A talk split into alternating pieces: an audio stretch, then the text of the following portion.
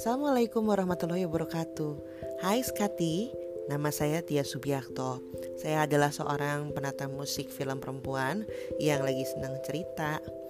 Karena saya senang cerita, akhirnya saya merilis sebuah novel judulnya Panggil Aku Mama Yang di launching di tanggal 6 Mei 2020 kemarin.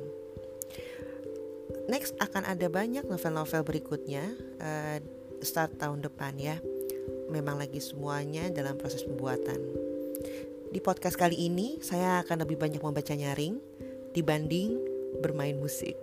So, uh, semoga Skati suka sama semua baca nyaring saya. Enjoy.